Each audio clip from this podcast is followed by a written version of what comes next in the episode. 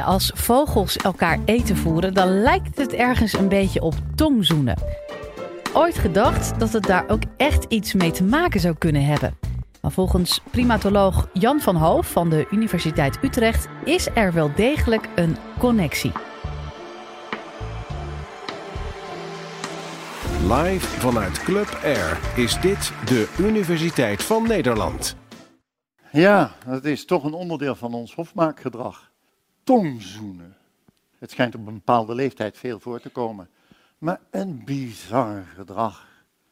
Nou, wat je dan natuurlijk kunt doen als je zo'n gedrag ziet, je kunt zeggen, ja, het is gewoon zo klaar uit. Maar je kunt, en zo zijn biologen nou eenmaal, die gaan dan vragen, goh, wat gek, kunnen we begrijpen waarom dit zich handhaaft in populaties? Er is. Laten we eens gaan kijken bij andere soorten. Zien we iets soortgelijks?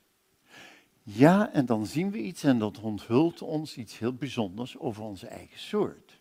Feitelijk wat we hier zien is dat het mannetje gekozen wil worden door het wijfje als partner. Hij wil natuurlijk zelf ook dat dat gebeurt door een fijn wijfje, waar hij zelf wat in ziet. Maar hij moet geaccepteerd worden. En de wijfjes zijn voor het algemeen tamelijk kritisch in het dierenrijk, onder deze omstandigheden.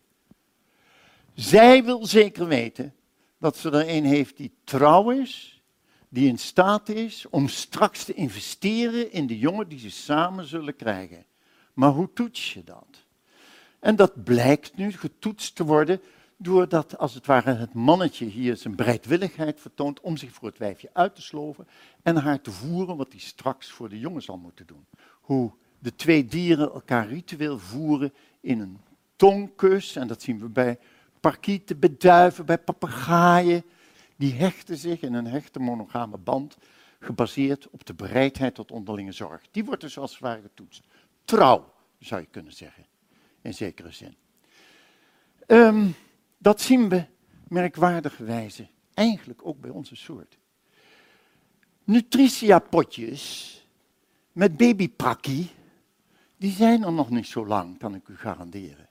En als u bij natuurvolkeren gaat kijken, dan is er een moeizame fase van dat de lactatie ophoudt en dat het kind moet worden overgebrand op ander voedsel, wat het zelf moet krijgen. En dan is er een fase waarin mammy het voedsel voorkoudt en dat al ook een beetje voorverteert met haar speeksel. En in een tongkus, als het ware, overhevelt naar haar kind. Je zou kunnen zeggen, het is het meest intieme gebaar wat wij als mensen kennen. De altruïstische overdracht van voer aan de hulpeloze ander en de verbondenheid die daaruit voorkomt. Nou, die jonge man en die jonge vrouw die op dat bankje zitten in het Wilhelminapark, je hebt natuurlijk geen notie daarvan. Maar de emotionaliteit van dat gedrag is er wel. Maar er zit geen enkel meisje op zo'n bank zitten zeggen, eens kijken hoe trouw die is, of die uh, betrouwbaar is als een aanbrenger van voer voor mijn baby straks. Heeft iemand er wel eens over nagedacht? Wat idioot het is dat wij mensen, vrouwen, borsten ontwikkelen geruime tijd voordat ook maar het eerste jong verschijnt. Terwijl in feite de borst niks anders is dan een melkklier. Bij ons alleen ingepakt in fantastisch veel vetweefsel. Dat is uniek. Wij zijn de enige hominoïde primaat, de enige mensachtige primaat, die dat heeft. Hier ziet u een gorillawijfje. Links ziet u hetzelfde wijfje, volwassen helemaal, terwijl het geen jong heeft. Rechts ziet u het wijfje, terwijl het een jong heeft. Dan zwellen de borsten op en die slinken daarna weer weg. Wij hebben de borsten niet alleen als een voedingsapparaat, om het zo maar eens te zeggen, maar ik heb horen verluiden dat het uh, ook een buitengewone seksuele aantrekkingskracht heeft. En daar leven we mee dagelijks, want het wordt verborgen wanneer dat niet nodig is. En in sommige culturen mag je het zelfs niet. Andere culturen zijn er wat vrijer over. Maar de hele seksuele connotatie van de vrouwenborst is opvallend. Het is een aantrekkelijk signaal geworden, wat iets zegt. Het zegt als vrouw, vertrouw mij dat maar toe, het grootbrengen van een jong. Dat gaat mij wel lukken. En dan zegt de kerel, fantastisch. Wederom is er geen enkele man die daarover nadenkt, maar het is de, de, laten we zeggen, de evolutionaire logica die gemaakt heeft dat mannen daarop kikken. Bij sommige soorten, onze naaste verwanten, en daar wil ik op wijzen, is het heel anders. Chimpansees, die zorgen niet voor hun jongen. Althans, de mannen niet. De vrouwtjes zogen het jong, brengen het groot. De man beschermt een groep en weet ik allemaal wat.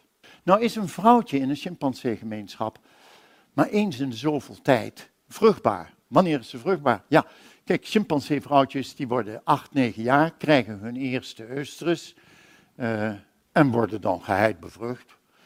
En dan komt er negen maanden zwangerschap, draagtijd. Dan komt er een postdraagtijd, een lactatieperiode, die bij dit soort mensapen soms vier tot langer, vier jaren tot langer duurt. Al die tijd zijn ze niet vruchtbaar. En dan ineens, dan beginnen ze weer te ovuleren, krijgen ze hun maandstondes, die zijn, de menstruatiecyclus is 32 dagen bij chimpansees. En dan zijn ze een dag of vijf zijn ze vruchtbaar. Hallo, afzien voor die kerels. Maar als ze dan vruchtbaar zijn, dan is er een, ze leven in grote groepen, een grote groep mannen die ze allemaal willen interesseren daarvoor. Maar feitelijk zien we hier dat de vrouwen zich aantrekkelijk maken, niet op basis van zorgvermogen, geen borsten of wat dan ook, maar deze vrouwen die adverteren het moment dat ze bevrucht kunnen worden. En dat doen ze doordat de labia majora, de grote schaamlippen, geweldig opzwellen. In dierentuinen hebben we er altijd grote problemen mee, zoals u zich kunt voorstellen. Want er zijn altijd wel weer bezoekers die komen bij de kassa en die zeggen: Je vrouw moet weer eens luisteren. Vorig jaar was ik er ook met mijn kleinkinderen en toen heb ik mijn beklag gemaakt bij u. Want er lopen van die apen rond bij u met van die afzichtelijke tumoren. En. Uh, dit jaar was ik er weer en ik heb gezien dat u er niets aan gedaan heeft. En dan weet de cashier dat ze moet zeggen, mevrouw of meneer, ga eens op een bankje zitten, trek er eens wat tijd vooruit en probeert u eens uit te vinden wie u denkt dat in deze club de meest populaire is. En dan ziet u, over smaak valt niet te twisten, want chimpansee-mannen die kikken hierop. En zoals bij vele bavianen zie je, kent u hetzelfde, die geweldige fantastische rode konten. Nou, die rode konten, die zie je bij wijfjes. En als de oestrogenen door hun donder jagen, dus met andere woorden, als ze tegen de tijd dat ze vruchtbaar worden, dan kleuren die genitale regio's, die anale regio, die kleurt fantastisch rood. En de kerelbavianen, die kikken daar natuurlijk weer op. Dit is een soort, de gelade baviaan, die woont, leeft in het hooggebergte van Ethiopië, Abyssinië, Abyssijnse hoogland. Die zitten op steile rotskliffen. Ook daar adverteren de wijfjes hun vruchtbaarheidsmoment. Maar op die steile rotswanden hebben ze iets heel geks gedaan. Ze hebben dat seksuele signaal wat ze zo aantrekkelijk maakt, dat hebben ze opnieuw afgebeeld op hun borst.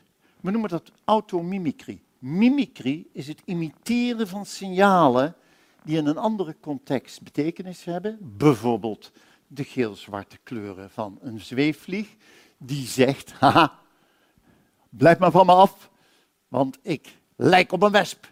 Ik ben het niet, maar dat weet jij gelukkig niet, maar ik lijk erop. En dat werkt. Dat is mimicry, een verschijnsel wat we in allerlei vormen in de natuur tegenkomen. Verschijnsels door een Duitse onderzoeker een jaar of dertig geleden voor het eerst geïnterpreteerd en gezien. Dat noemen we automimicry. Deze wijfjes mimiken hun eigen achterlijf op hun borst.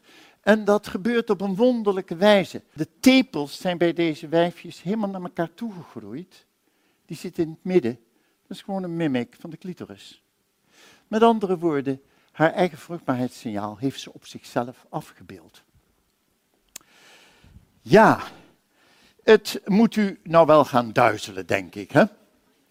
als je gaat kijken naar die seksuele strategieën.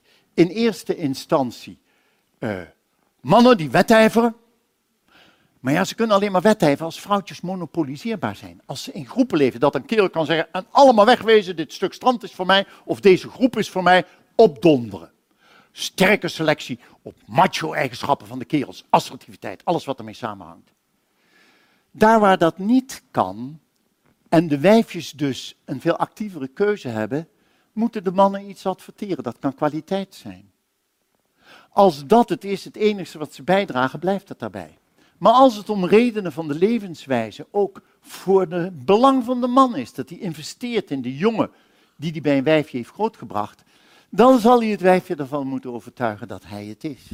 En zo zien we een veelheid van, zeg maar, seksuele signalen evolueren. En die weerspiegelen hele verschillende type relaties tussen de beide geslachtspartners. Ja, er is dus fantastisch veel variatie als we gaan kijken bij allerhande dieren. En met name als we ook gaan kijken bij onze eigen naaste verwanten, de mensapen. En dan rolt vanzelf de vraag uit de hoed, hoe passen wij daar nou in? Wij mensen in dit verhaal. Passen we daarin? Voldoen we aan soortgelijke wetmatigheden of niet? Wil je nou meer afleveringen van de Universiteit van Nederland horen? Check dan de hele playlist en ontdek het antwoord op vele andere vragen.